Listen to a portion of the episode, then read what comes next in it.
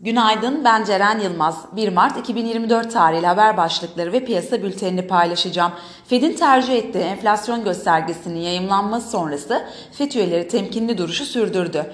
PIMCO uzun vadeli tahvil tutan yatırımcıların ek prim talep etmesinin finansal piyasalarda ciddi sonuçları olabileceğini söyledi.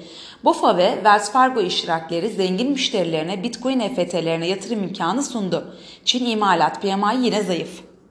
Piyasalara genel olarak bakacak olursak pay piyasalarında yerel seçimlerin gerçekleşeceği aya girerken seçim öncesi belirsizlikler, seçim sonrası ek sıkılaşma beklentileri, Borsa İstanbul'da yükseliş potansiyelinin sınırlı hale gelmesi, enflasyon muhasebesine ilişkin belirsizlikler ve mevduat faizinin tekrar cazip hale gelmesi Borsa İstanbul'a yönelik ilgiyi sınırlandırıyor.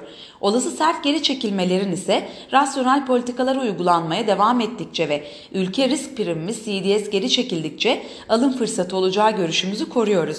Bu sabah ABD vadelileri, Alman DAX vadelisi ve Asya endeksleri alıcılı bir seyir izliyor.